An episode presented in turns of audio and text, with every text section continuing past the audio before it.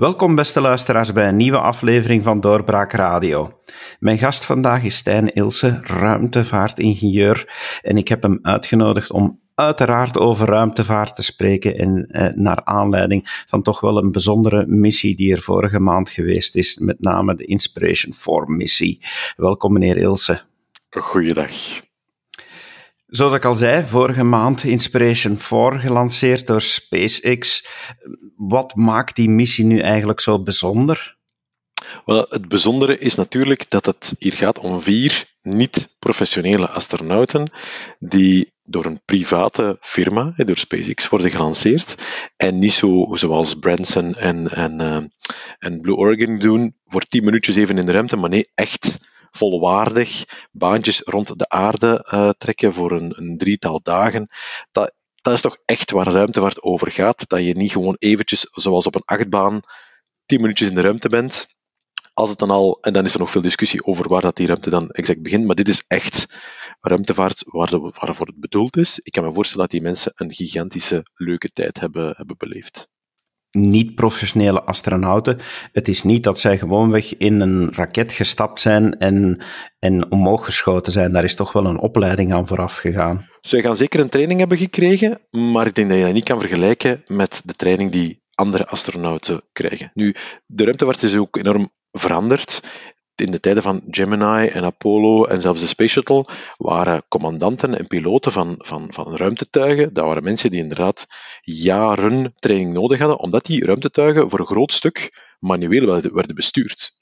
Zeker in de tijd van Apollo, uiteindelijk, die mensen deden soms manuele manoeuvres, terwijl hier gaat het over een, eigenlijk een soort van ruimtetaxi, waarbij dat zelfs de NASA-astronauten bijzonder weinig echt moeten ingrijpen. Ze grijpen vooral in als het mogelijkerwijs zou fout gaan, maar zelfs dan is het vaak iets dat het systeem zelf automatisch gaat, uh, gaat, gaat afhandelen. Dus er zal wel wat training geweest zijn en er is ook wel een, uh, een Netflix-serie daarover, waarbij je wel wat training ziet.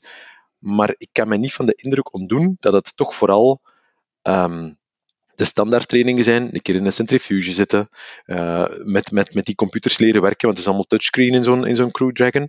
Maar ik denk eigenlijk niet dat zij de capsule, stel je bijvoorbeeld dat ze zouden moeten in een, in een emergency case zouden moeten gedokt hebben met het Space Station, als dat al mogelijk zou geweest zijn.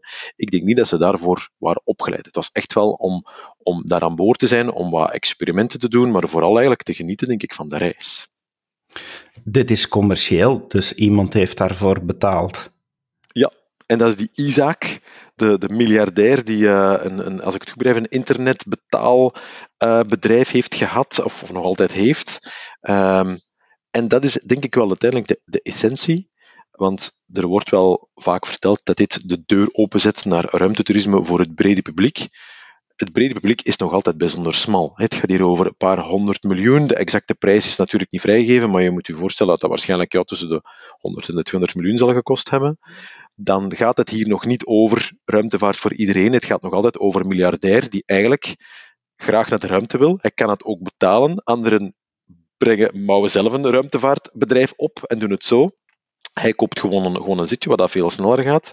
Uh, en hij kleedt het op een hele mooie manier in. Hij doet er een fundraiser mee. Hij pakt mensen mee die, de ruimte zijn, uh, die nu naar de ruimte kunnen gaan, die anders waarschijnlijk nooit naar de ruimte hadden kunnen gegaan. Dus het project is wel inspirerend, maar het blijft eigenlijk wel een plezierreis voor een miljardair die daar gewoon heel veel geld voor betaalt. Als hij niet zoveel geld had betaald, dan had SpaceX nooit dit, uh, dit soort van project gedaan. Het is inderdaad wel bijzonder en ik denk misschien daar ook de naam Inspiration 4. De mensen die met hem zijn meegegaan, waar, waar dus deze miljardair die Isaac voor betaald heeft, die, die staan wel voor iets. Hij heeft hij niet zomaar lukraak gekozen of dat zijn niet gewoon vrienden van hem. Ja, inderdaad. En dat, dat zie je in die, in die Netflix-serie eigenlijk heel goed. Het komt erop neer dat hij probeerde om om mensen van verschillende origine mee te nemen. Dus je hebt, je hebt blanke mensen, maar er zit ook een, ook een, een zwarte, zwarte mevrouw bij. Je hebt eigenlijk, ja, hij heeft echt wel heel veel moeite gedaan om ervoor te zorgen dat de missie inspirerend kan zijn naar andere mensen toe. Hij steunt ermee een, een, een kankerkinderhospitaal. En iemand die vroeger in dat hospitaal heeft gelegen, kanker heeft gehad, het overleefd heeft en eigenlijk nu zelfs in dat hospitaal werkt, die mocht mee. Dat is eigenlijk al ja, dat is iemand ook met een prothese, dus dat is eigenlijk uniek. Die, die mevrouw had anders nooit naar de ruimte kunnen, kunnen gaan. En dan um, wou hij natuurlijk heel veel geld opbrengen voor dat kankerhospitaal. Dus heeft hij een soort van loterij in het leven geroepen van kijk, als jij steunt, uh, het hele, heel de wereld ik weet niet of dat enkel Amerika was of de hele wereld, maar in ieder geval veel mensen hebben kunnen steunen. Al die namen gingen in een potje en dan komt er uiteindelijk iemand uit, die mag ook mee. Um, die meneer had blijkbaar ook niet aan zijn vrouw verteld dat hij had meegedaan. Dus die wint dan een ruimtereis en moet dan aan zijn vrouw gaan vertellen dat hem eigenlijk iets aantal dollar had, gesteund aan een, aan een, aan een hospitaal. En uh, ja, het is uiteindelijk uh, toch, toch meegegaan. En dan had hij iemand nodig die inspiratie had in innovativiteit, in ondernemerschap. En dan heeft hij een soort van, ja, ik denk een soort van jury een aantal voorstellen geëvalueerd en is daar dan die, die, die mevrouw uitgekomen. Dus inderdaad een heel bond gezelschap, alle mogelijke strekkingen, verschillende leeftijden. Dus ja, als dat, dat is wel zeer inspirerend en het wordt ook mooi ingekleed. Die SpaceX-serie is, is één voorbeeld, of die uh, Netflix-serie is één voorbeeld, maar er werden ook podcasts gedaan, er werden ook uh, live uh, verslag gedaan van, van daaruit. Dus het geeft wel ja, als je daar niet van geïnspireerd geraakt, dan ga je van niet veel anders niet meer geïnspireerd geraken, denk ik. Dus dat, het, het, doel is wel degelijk behaald. Hoeveel dagen zijn zij nu eigenlijk in de ruimte geweest? Goh, ik weet het niet exact, maar ik denk drie, vier dagen. Um, ja, ik zat moeten opzoeken hoe lang exact, maar ik heb het hier ergens staan, denk ik, van 16 september en als ze de 20ste zijn terug, uh, teruggekomen. Dus uh, ja, ja, drie, vier dagen. Dus ze hebben effectief wel baantjes rond de aarde getrokken? Ja, je moet, je moet rekenen op die hoogte, 500, 600 kilometer hoogte, uh, duurt een baantje denk 95 minuten ongeveer. Dus één keer rond de aarde ben je in 95 minuten, dan heb je ongeveer 14 keer per dag een zonsopgang en zonsondergang. Uh, ja, dan ben je echt al in de ruimte. Hè. Dan zie je ook de hele wereld, want je baan schuift langzaam op. En je ziet dus niet elke keer hetzelfde onder jou. Je ziet ook niet altijd hetzelfde in daglicht of, of nacht. Dus je vliegt een keer over Europa, s'nachts over Europa uh, tijdens de dag. En dat dan drie dagen lang. Dus dan zit je toch al aan bijna 40 baantjes rond de aarde. Ja, ik denk dat dat genoeg is om het ook om een duur een gewoonte vinden is misschien het verkeerde woord, maar ik denk als je zo in een, in een raket van Blue Origin gaat en je hebt maar 10 minuten, dan moet je alles doen in die 10 minuten. En dan is het heel erg kort. Terwijl hier denk ik dat je die eerste uren enorm al je, al je zintuigen staan op scherp omdat je alles wilt doen. En dan komt er een soort van rust, denk ik, van, oh, maar ik ben hier nog drie dagen. En ik kan eigenlijk mijn tijd nemen en ik kan gewoon een keer een boek lezen of naar muziek luisteren terwijl ik naar de aarde kijk. Ik denk dat dat, zo die drie dagen lijkt mij een ideale tijd tussen ja, het veel te kort doen en, en dan al die emoties en al die ervaring in een heel korte tijd te moeten proppen. En natuurlijk, als je dan een week of, of twee, drie, vier weken weggaat, ja, dan, dan wordt het ook weer moeilijker voor, voor misschien mensen missen op de aarde. Terwijl drie dagen lijkt mij zo'n ideale dingen om, uh, om daar te verblijven. Wilt dit nu eigenlijk ook zeggen dat ruimtevaart zo veilig geworden is dat we, dat, dat we eigenlijk kunnen zeggen: oké, ja, dat is een weloverwogen risico om met zo'n raket omhoog geschoten te worden? Eh, ik heb daar zo mijn, mijn, mijn, mijn, mijn twijfels bij. Um, want uiteindelijk, die, die Crew Dragon, heeft nog maar twee keer voor NASA-astronauten NASA gevlogen. Uh, natuurlijk de Dragon zelf, de niet-crew-versie, die heeft al een twintigtal keer naar, naar het ISS gevlogen. En die, die Falcon 9-raket van SpaceX, die heeft ook al honderden keren opgestegen en geland met minimale aantal, aantal errors, of aantal, aantal fouten. Dus het is een zeer wel overwegen risico. De kans dat er iets fout liep, was relatief klein. Langs de andere kant, ze zijn niet in de veilige lage aardbaan gebleven. Dus het was nog altijd natuurlijk lage aardbaan, maar meestal als je naar het ruimtestation gaat, dan zit je tussen de 300 en 350 kilometer hoogte. Hoe hoger dat je gaat, uh, hoe hoger je snelheid ook weer is als je terug naar de atmosfeer komt, ook al is dat relatief vergelijkbaar, maar vooral ook hoe meer radiatie dat je gaat krijgen van de zon. En wij merken dat met onze satellieten bijvoorbeeld, wij maken bij, bij, bij, bij ons in, in, uh, in Kinetic in Kruibeke, wij maken zaken die naar het ruimtestation vliegen, en dat kan je bij, bij wijze van spreken een standaard laptop meesturen. Want die zitten eigenlijk relatief goed beschermd op die 300 kilometer hoogte. Maar als je een satelliet maakt die 5, 6, 7 jaar moet overleven op 7, 800 kilometer, ja, dan, moet je, dan kan je standaard laptops niet meer meenemen. Dan moet je eigenlijk naar uh, radiatiebeschermde elektrische, uh, elektronische componenten gaan. En dat is toch een heel andere manier van, van, van werken, waarbij dat je niet meer gewoon de standaard elektronica gaan kopen die je, die je normaal gezien koopt. Dus ze hebben wel een risico genomen door naar die hogere banen te gaan. Uh, ik heb ook begrepen dat dat een, expliciete keuze was van, van Isaac om dat te doen, uh, om ook iets te doen wat dat al lang niet meer was gebeurd. de, ik denk dat het 30 jaar geleden was of zo, dat de mensen zo ver van de aarde waren geweest, met, een missie nog naar de, naar de Hubble Space Telescope, uh, met, de, met de Space Shuttle. Dus ja, ik denk dat het wel over, overwogen risico is, uh, maar, maar toch, met onervaren astronauten, een ruimtetuig dat toch nog altijd relatief nieuw is, uh, voor langere tijd weg. En ook niet een baan die automatisch, waarbij dat je als je niks doet, dat je gewoon automatisch terugkomt. Die, die Blue Origin raketten, en die, die, die, die, die stiet je gewoon af. En puur door de zwaartekracht kom je gewoon terug naar beneden. Je moet eigenlijk niks doen. Stel dat, dat, dat die astronauten, dat die de terugkeerraketten ergens falen, ja, dan, dan blijf je daar gewoon rondcirkelen. En het is niet dat je na drie dagen of vier dagen automatisch terugkomt, dus dan moet je eigenlijk een soort van rescue-missie gaan doen. Ik vermoed dat daar allemaal wel analyses op gebeurd zijn, maar alles is eigenlijk wel goed verlopen. Dus ja, achteraf gezien was het risico waarschijnlijk inderdaad goed bekeken en is er eigenlijk relatief weinig, uh, weinig fout gelopen.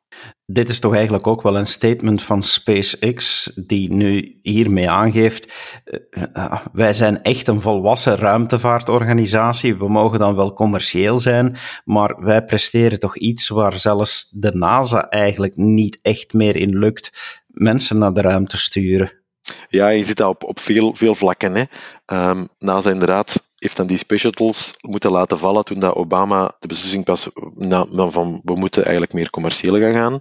SpaceX is daar ingesprongen en doet het ja, extreem goed. Hè kunt, je kunt weinig kritiek hebben over hoe dat SpaceX, denk ik, denk ik, werkt. Ze zijn zeer innovatief. Ze proberen ook de ruimtevaart op een andere manier te doen, waarbij de andere bedrijven, bijvoorbeeld die, die SLS-raket die, daar, eh, die nu NASA zelf bouwt, eigenlijk om terug naar de maan te keren, die heeft enorm veel uh, over in kost en in schedule. Dus en, en die komt veel te laat en kost, gaat veel te duur kosten. Ook en, en vooral omdat ze een soort van engineering methode gebruiken, waarbij dat zij proberen van de allereerste keer de perfecte raket te maken. En dat, dat, dat duurt gewoon een heel lang op papier. En je gaat wel kleine onderdeeltjes misschien prototypen, maar het grote geheel ga je maar één keer proberen van de eerste keer goed doen. En daar doet SpaceX het gewoon extreem anders. Zij zeggen gewoon, nee, nee, we gaan niet van de eerste keer dat goed doen. We gaan van de eerste keer iets klein bouwen. Je ziet dat nu met die ontwikkeling van die nieuwe uh, Starship-raket. We gaan iets kleins bouwen, we gaan dat gewoon een keer aanzetten en een keer naar boven, naar beneden. 100 meter. Oké, dat marcheert. Oké, dan gaan we naar de volgende stap. En zo bouwen ze zij 20, 30, 40 testmodellen, die allemaal relatief goedkoop zijn, die allemaal op een, op een ja, er wordt heel veel uitgekeken of, of gekeken naar het goedkoop maken van de productie, terwijl dat meestal productie bij ruimtevaart, ja, het vele geld gaat in uw design zitten en niet zozeer in de productie. En zij draaien dat helemaal om. En, uh, en ik vind dat wel een zeer leuke manier van kijken. En we proberen dat ook bij sommige van onze projecten te doen, in plaats van te zeggen van we gaan hier een nieuwe elektronica-doos te, te maken, we gaan ineens alles analyseren en vanaf de eerste keer perfect alles goed krijgen, wat dat eigenlijk toch niet realistisch is, want je gaat altijd dingen vergeten. Kan je beter gewoon een aantal prototypes bouwen, die goed testen, daar heel veel van leren. En dat vind ik wel leuk, dat, dat een ruimtevaartbedrijf niet altijd zoals vroeger moet zijn en, heel um, lang moet duren. Nee, het kan ook veel sneller gaan en het kan daardoor ook veel meer innovatief zijn. Die landende raketten van SpaceX, als ik het de eerste keer zag, ik dacht, hoe, hoe denkt erop dat je het zo zou kunnen lukken en dan, uh, en dan nu ook weer met die Starship, die dan als een soort van zweefvliegtuig terugkomt en helemaal op het einde een zwiep maakt, om dan toch nog op zijn, op zijn pootjes te landen. Dat zijn allemaal concepten die andere ruimtevaartbedrijven niet eens aan durven beginnen te denken. De Ariane 6 is compleet niet herbruikbaar. Waarom is de Ariane 6 niet herbruikbaar? Als je ziet dat SpaceX bijna, die zijn, nu trap 1 aan het herbruiken, die Starship is volledig herbruikbaar. Hoe ga je ooit nog kunnen concurreren met zo'n bedrijf als je volledig onherbruikbare raketten gaat, gaat blijven maken? Je moet mee. En je ziet dat andere commerciële bedrijven wel meegaan, maar je ziet dat heel veel ja, overheidsgelinkte bedrijven dan eigenlijk niet mee, meegaan en achterblijven. En dat Arianespace nog wel wat business binnenhaalt, maar dat dat toch vooral zeer politiek gedreven is. Europese satellieten vertrekken nu eenmaal met Europese raketten, omdat dat politiek gedreven is. Er is voor ESA niet zo heel veel keus om een niet-Europese raket te gebruiken. Dus dat, het, het, stimuleert geen innovatie. En dat is wel jammer. En dat zie je dan bij, bij Amerika wel. De keuze om het naar de, naar de privésector te duwen was een heel gewaagde keuze, want het heeft inderdaad lang geduurd voordat Amerika terug zelf astronauten kon lanceren. Maar het is nu wel gebleken dat het wel een zeer slimme keuze is. Want nu heb je verschillende bedrijven, Al is Boeing nog wel aan het sukkelen, maar die gaan er ook wel geraken. Maar je hebt verschillende bedrijven die niet alleen ruimtevaart doen voor de wetenschap, maar ook meer commerciële ruimtevaart kunnen doen, waardoor ze eigenlijk hun eigen inkomsten kunnen genereren en hun eigen innovatie ook weer kunnen verder stimuleren. Dus ja, Amerika heeft daar een, achteraf gezien een zeer goede keuze in gemaakt. En in Europa lopen we daar nog wel een beetje achter.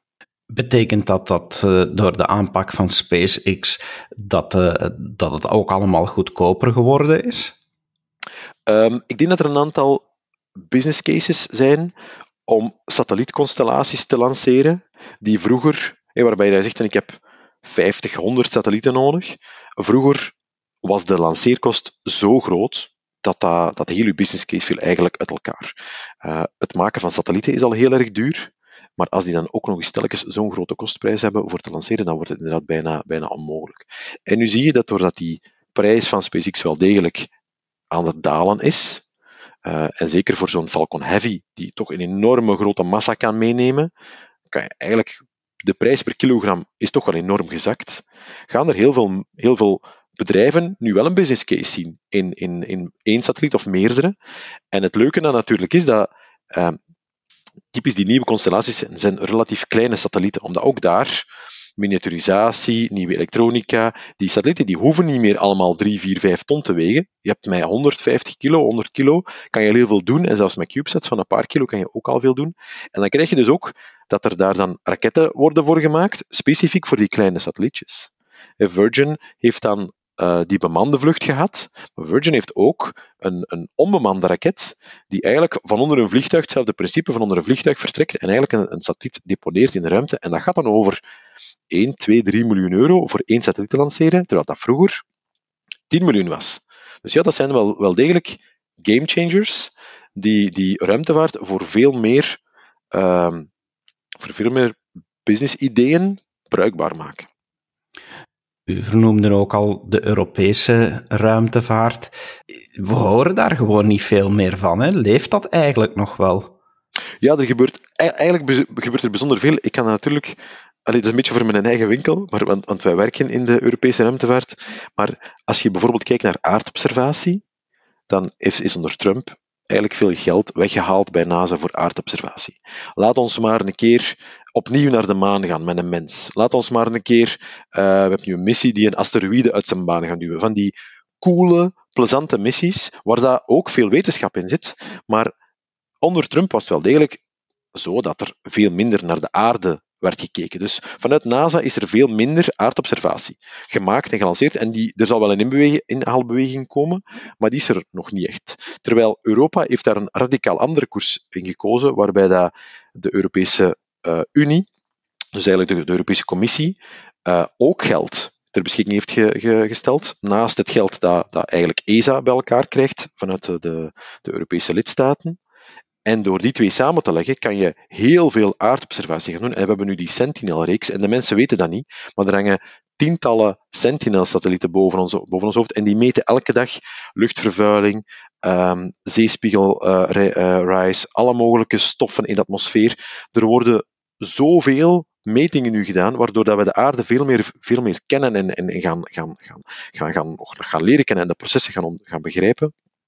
En daar loopt Europa mijlen ver voor op andere uh, agencies. Maar inderdaad, dat komt niet echt in het nieuws. Zo'n Sentinel is niet helemaal niet heel sexy. Dat is een radarsatelliet, dat is een optische, dat is een hyperspectrale. Daar zit een beetje van alles bij. Maar voor de wetenschap en vooral ook voor de inputs die de wetenschap dan kan geven aan de overheden, zijn die fundamenteel extreem belangrijk. Ook België speelt daar een rol in met, met, met, met aardobservatiesatellieten. Dus eigenlijk is dat ja, je ziet dat niet zo heel hard, maar er zit wel degelijk heel veel baanbrekende uh, ruimtevaarttechnologie in Europa, waarbij dat misschien de raketten het minste is. Want je hebt inderdaad over laatst twee eh, falingen gehad van de Vega-raket, dat is dan een Italiaanse, uh, Europese raket.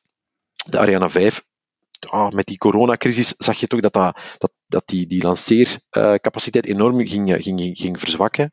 Terwijl dat in Amerika er eigenlijk werd doorgelanceerd. En je ziet een aantal andere zaken, eh, bijvoorbeeld ExoMars. Europa wil naar Mars. Allemaal plezant, allemaal tof. We hebben dat al twee keer geprobeerd, twee keer gefaald, twee keer wel geland, maar eigenlijk meer neergestort dan geland. Ja, die derde missie, uh, dat was dan ExoMars 16, 18, 20, 22 nu. Dus je ziet dat daar dat, dat, dat, dat, komt dat wel in het nieuws, dat de, de ExoMars-lancering weer is uitgesteld, uh, of de ExoMars-lander is weer neergestort. Dat is dan heel jammer, want er gebeurt in Europa echt wel bijzonder veel. Um, maar het geraakt een beetje ondergesneeuwd door af en toe wat slecht nieuws. En door het feit dat hetgeen dat echt wel heel interessant is, dat dat heel interessant is voor wetenschappers en voor politici, maar eigenlijk niet voor de gewone mens. Dus ja. Staat België sterk in, in de ruimtevaart? Ja, u zit, is het echt in die business, u, werkt daarin. Van, uh, spelen wij daar, daar een belangrijke rol? Wij spelen binnen de Europese ruimtevaart spelen wij eigenlijk een, een, ja, een, in die zin een rol die meer is dan de rol die je zou verwachten van een klein land als België. Ik denk dat je per inwoner dat België bij de koploper staat van de Europese lidstaten, waarbij het gaat over bijdragen van, van, van België aan het budget van, van ESA.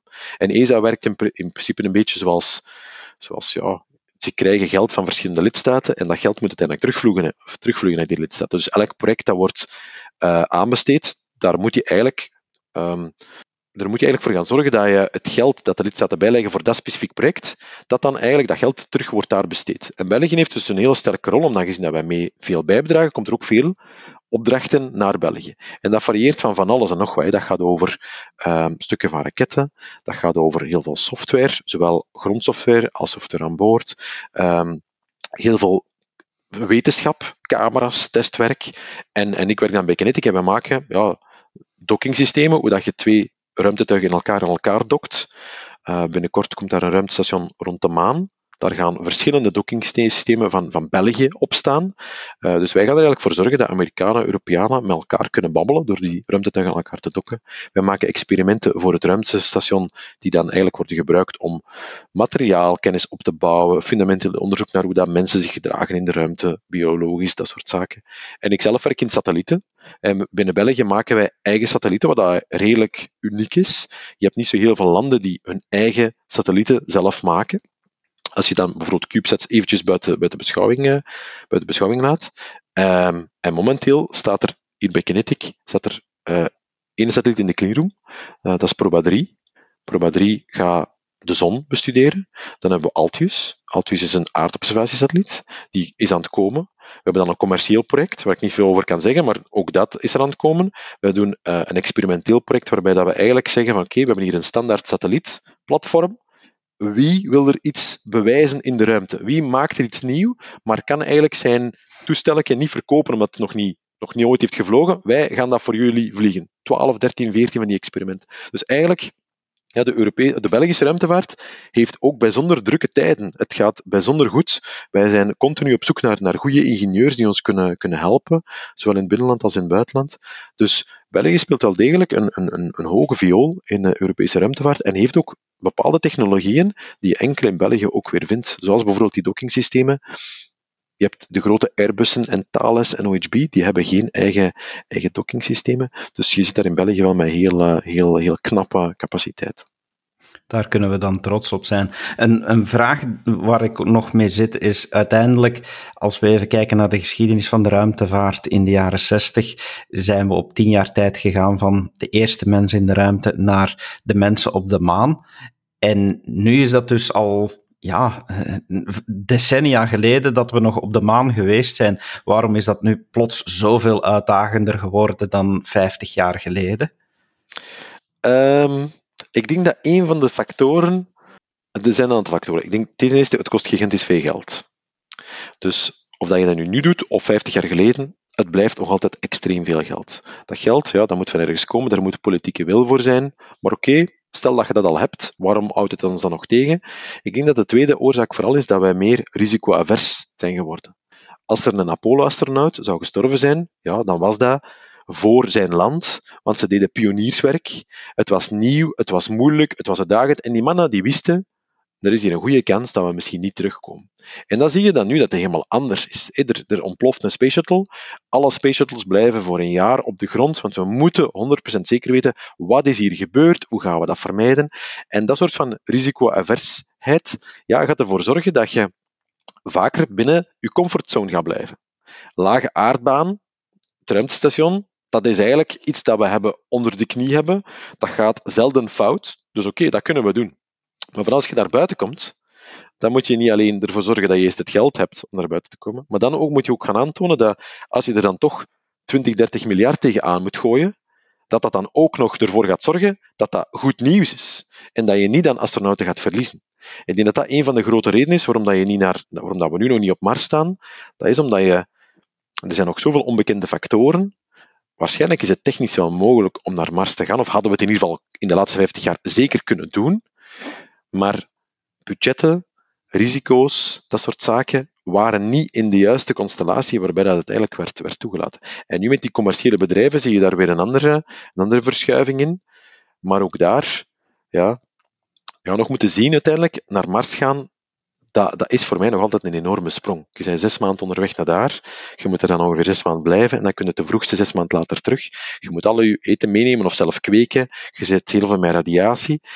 Op Mars zelf is ook niks waar je iets mee kunt doen. Misschien dat we daar wel wat water kunnen maken, misschien wat, brandstof kunnen maken, maar ook dat is allemaal nog in zijn kinderschoenen. Op Mars zelf zijn heel veel stofstormen, dus gegarandeerd dat je dan moet zien dat, u, dat, je, dat, je, ja, dat je gaat zien dat je raket daar tegen kan. Op Mars zelf is het extreem koud, dus je moet je ook gaan beschermen. De straling van de zon wordt niet beschermd door een mooie magnetosfeer gelijk op de aarde, dus op Mars moet je ook gaan beschermen daartegen. Dus kun je best ondergronds in een oude vulkaankrater zitten op Mars. Ja, om een duur moet je ook gaan, afvragen, wat zitten we daar dan in godsnaam te doen? Ik heb zo'n serie op uh, National Geographic, waarbij dat SpaceX-beelden uit het echte leven worden gecombineerd met een echte missie, alleen van een gespeelde missie naar Mars. Ja, die mensen zitten daar ondergronds op, op Mars. Ik vraag me dan soms af, wat zit het daar dan te doen? Buiten natuurlijk voor de eerste mensen die naar daar gaan en die pionierswerk gaan doen en die, die een keer gaan bekijken, maar voor, voor op lange termijn een kolonie te gaan stichten op Mars, ik vraag me soms af wat, wat, wat het hoger doel is, behalve dan om risicobeperking te doen, als de aarde ooit zou volledig ontploffen, ja, dan hebben we toch nog wat mensen op Mars. Maar die mensen op Mars, die, uh, tegen dat die zichzelf kunnen onderhouden, zijn de honderden jaren verder en terraforming, op Mars omvormen naar een, aarde, dat is een waanidee, dat gaat miljoenen jaren duren, dat, dat is gewoon onrealiseerbaar. Dus ik denk dat heel veel politici dan ook wel denken van ja, het kost veel geld, er is er veel risico aan. Tegen dat gedaan is, ben ik al lang niet meer verkozen, want dat, dan vroegste binnen 10, 20 jaar, als ik nu, nu de beslissing neem, gaan we er uiteindelijk ook staan. Dus dan, het zal niet op mijn hoed worden gespeld. En op lange termijn, wat gaat er op Mars blijven doen? Ik snap dat, dat een Elon Musk daar andere ideeën over heeft, maar ik vraag me soms af, wat zit er daar in godsnaam te doen? Dus ja, ik denk dat er veel factoren spelen, uh, en waarbij dat risico en budget waarschijnlijk de grootste zijn. Met andere woorden, ruimtevaart blijft enorm boeiend. Er blijven uitdagingen. Maar gelukkig uh, kunnen we ook blijven genieten van science fiction. Uh, er zal nog, uh, nog, nog een tijd zijn dat we kunnen zeggen: het is fictie. meneer Ilse, dank u wel voor uw tijd. Dat u al die uitleg hier gegeven hebt. Heel graag gedaan, David. En uw beste luisteraar, hopelijk vond u het interessant dat wij eens de ruimte ingedoken zijn. Wie weet lukt het ons wel om deze podcast ergens ook effectief de ruimte in te krijgen. Maar alleszins zijn we wel blij dat we het de internetruimte in krijgen. Dank u wel en tot de volgende keer. Dag. Dit was een episode van Doorbraak Radio, de podcast van doorbraak.be. Volg onze podcast op doorbraak.be/radio of via Apple Podcasts, Overcast of Spotify. Bezoek ook onze website op doorbraak.be en steun ons door een vriend te worden van Doorbraak.